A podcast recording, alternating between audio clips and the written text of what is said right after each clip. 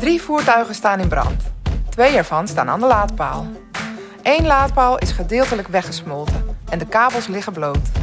Je wil de laadpaal spanningsloos maken, maar hoe doe je dat eigenlijk?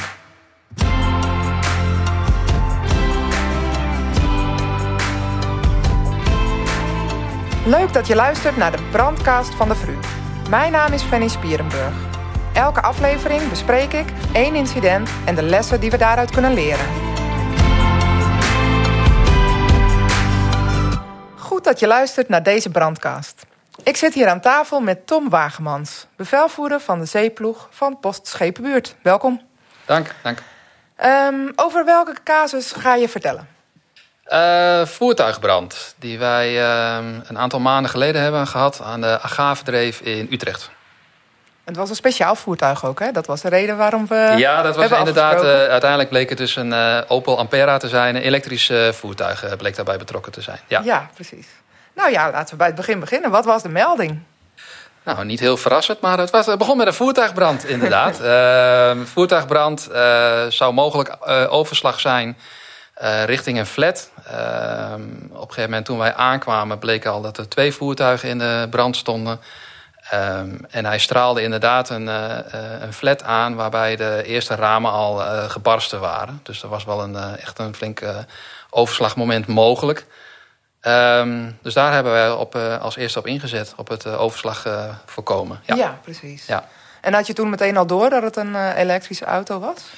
Uh, niet helemaal direct, want we zaten ook met een stukje wel of niet gaan ontruimen van de flat. Dus daar ja. hebben we als eerste op ingezet. Nou, dat bleek uiteindelijk niet uh, noodzakelijk te zijn.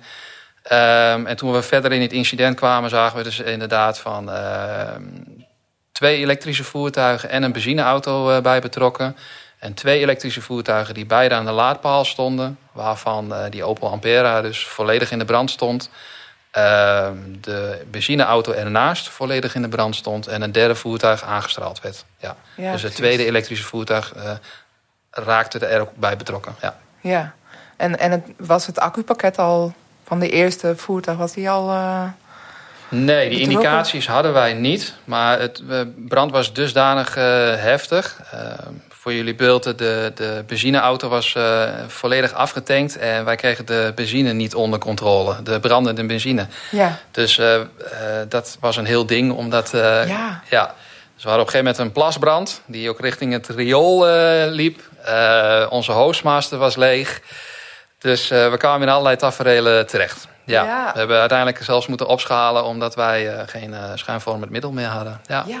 oh jeetje. Ja. Ik moet nu zelf even helemaal schakelen, want ik denk, oh, we gaan het hebben over een elektrisch voertuigbrand, maar er gebeuren allemaal andere dingen. Er gebeuren van allerlei dingen omheen. Ja, er ja. waren een aantal complexe factoren. De, E, even voor het idee dan. Uh, drie voertuigen. Precies de middelste, dat was het elektrische voertuig. Uh, die rechts naast stond het benzinevoertuig. En links daarnaast stond ook een elektrisch voertuig. Ja. Um, ja, en dan probeer je zoveel mogelijk uh, dingen onder controle te krijgen. En dat gaat dan niet helemaal goed. Dus ja. Waar wij op een gegeven moment tegenaan liepen was... ehm, nou, de beide voertuigen zaten nog in de laadpaal... Uh, maar de brand was dusdanig heftig dat uh, alles samengesmolten was. Dus de, stekkers waren in de laadpaal gesmolten. Uh, niks meer af te lezen van de laadpaal. En dan zeggen ze in alle instructiefilmpjes zo mooi van... ja, er staat een telefoonnummer op de laadpaal. Maar als alle stickers er afgebrand zijn, dan zie je niks meer.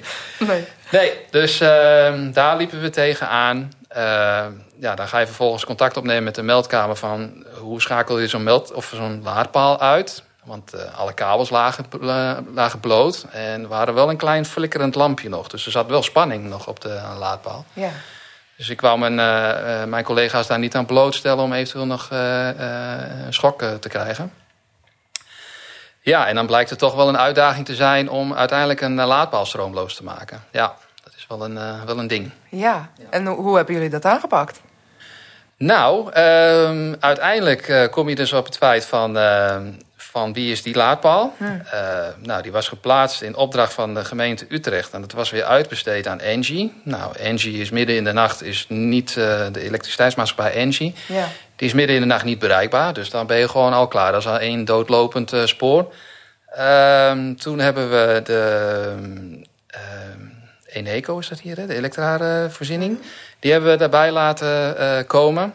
En die zat ook even te kijken van ja, hoe doen we dit? Want voor iedereen was het eigenlijk even de eerste keer. Ja. Ja, ja. Ehm, wat er toen uiteindelijk besloten is, is... Ehm, nou, dat is niet besloten, maar in één keer was het heel erg donker in de wijk.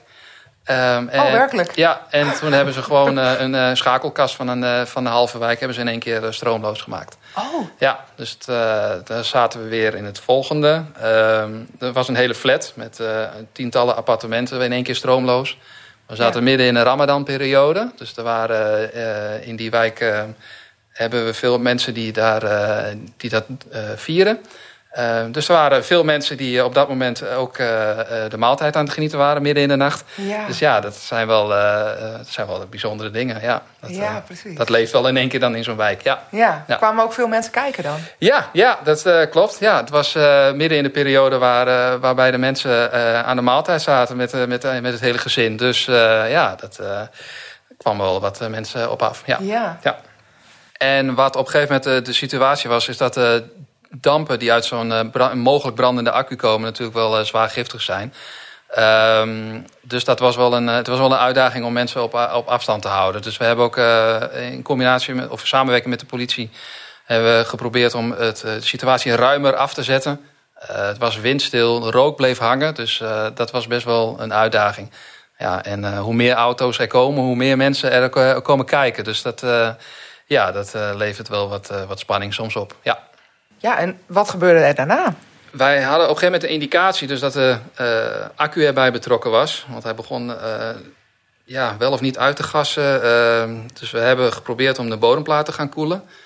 Nou, dan kom je dus op het feit dat alle banden geklapt waren. Dus we konden, de, we konden niet onder de bodem komen. Ja. Hebben we met de sprider hebben wij geprobeerd om de auto op te tillen om de bodem te blijven koelen. Maar ondertussen, als ik me goed herinner, hadden wij volgens mij de, uh, de benzinebrand ook nog steeds niet onder controle.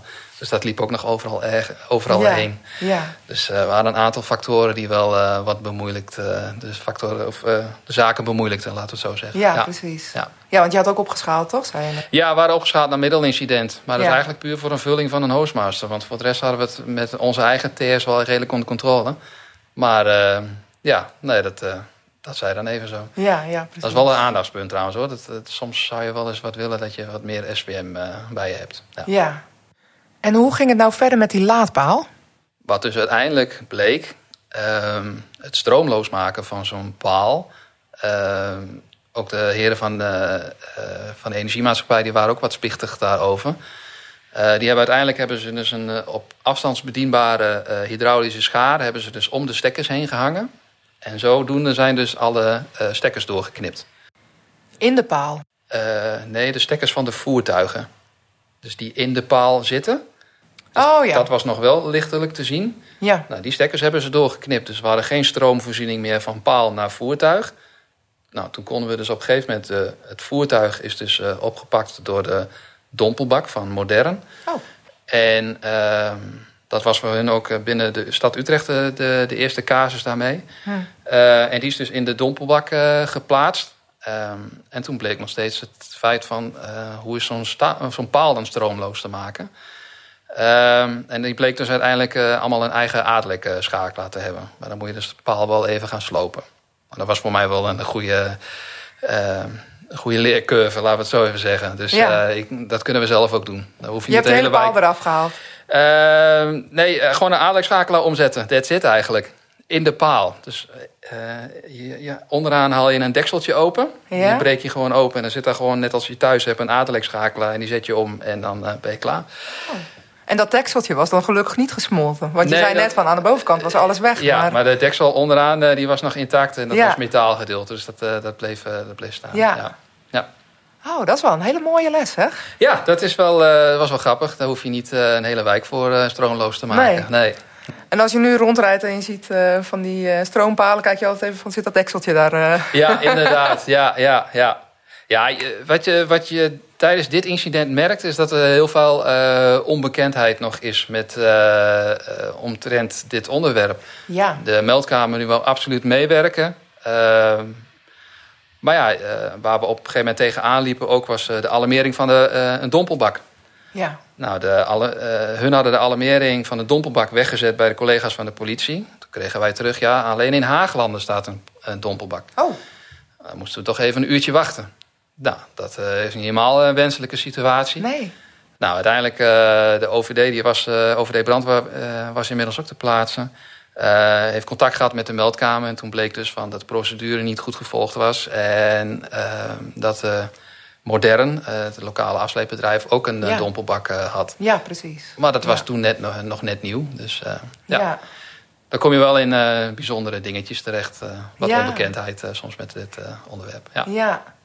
En uh, jullie hebben ook een, een uh, nabespreking uh, gehad met een aantal incidenten met voertuigen op alternatieve energie. Ja. Ehm, zou je daar ook nog wat? Kwamen daar ook nog andere lessen uit? Um, er waren wel een aantal raakvlakken met de overige bevelvoerders die ook die incidenten hebben gehad. Inderdaad, de alarmering van de dompelbak was, wel een, was wel een uitdaging. Maar ook hoe ga je langdurig een accupakket koelen. Ja. Ik kan me herinneren dat één collega volgens mij een, een voertuig op een paal was gereden. Hè, met een ja. beschadigd accupakket. Nou, die hebben uiteindelijk volgens mij een, een fokneel erin geslagen. Als ik het me goed herinner. Ja.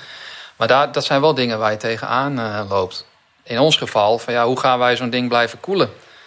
het koelraam is aangedacht. Maar ja, het voertuig lag volledig op de grond.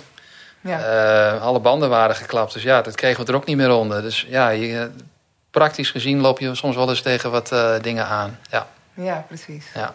En zijn er nog andere tips en tricks waarvan je denkt van... goh, maar dat is nog er eentje die ik wel aan collega's wil meegeven? Ja, zorg dat je de, de, de taken wegzet op het gebied van uh, identificatie van zo'n laadpaal. Hoe maak ik het stroomloos? Uh, kan ik veilig optreden met mijn collega's? Um, want hoe de dingen soms beschreven worden in een werkomschrijving... of we hebben tegenwoordig hele mooie instructiefilmpjes... ja, die zijn niet altijd uh, uh, in de praktijk van toepassing. Ja. We hebben achteraf hebben we instructiefilmpjes zitten kijken. Ja, die zien er heel goed uit. Maar dat is allemaal met onbeschadigde palen... en niet met uh, alles één klomp gesmolten plastic. Ja. Dus dan wordt de situatie weer iets anders. Dus het, het handelingsperspectief, ja, die, dat wordt niet altijd geboden. En dat is soms moeilijk in de, in de praktijk. Ja. Ja. ja. ja. Nou, interessant verhaal. Ja. Dankjewel Dank je. voor het gesprek. Ja, geen probleem. Meer informatie over voertuigbranden van voertuigen op alternatieve energie kun je vinden op intranet in het VRU-loket bij Mono-evaluatie. Informatie over procedures is te vinden in de handboek-app. Graag tot de volgende brandkast.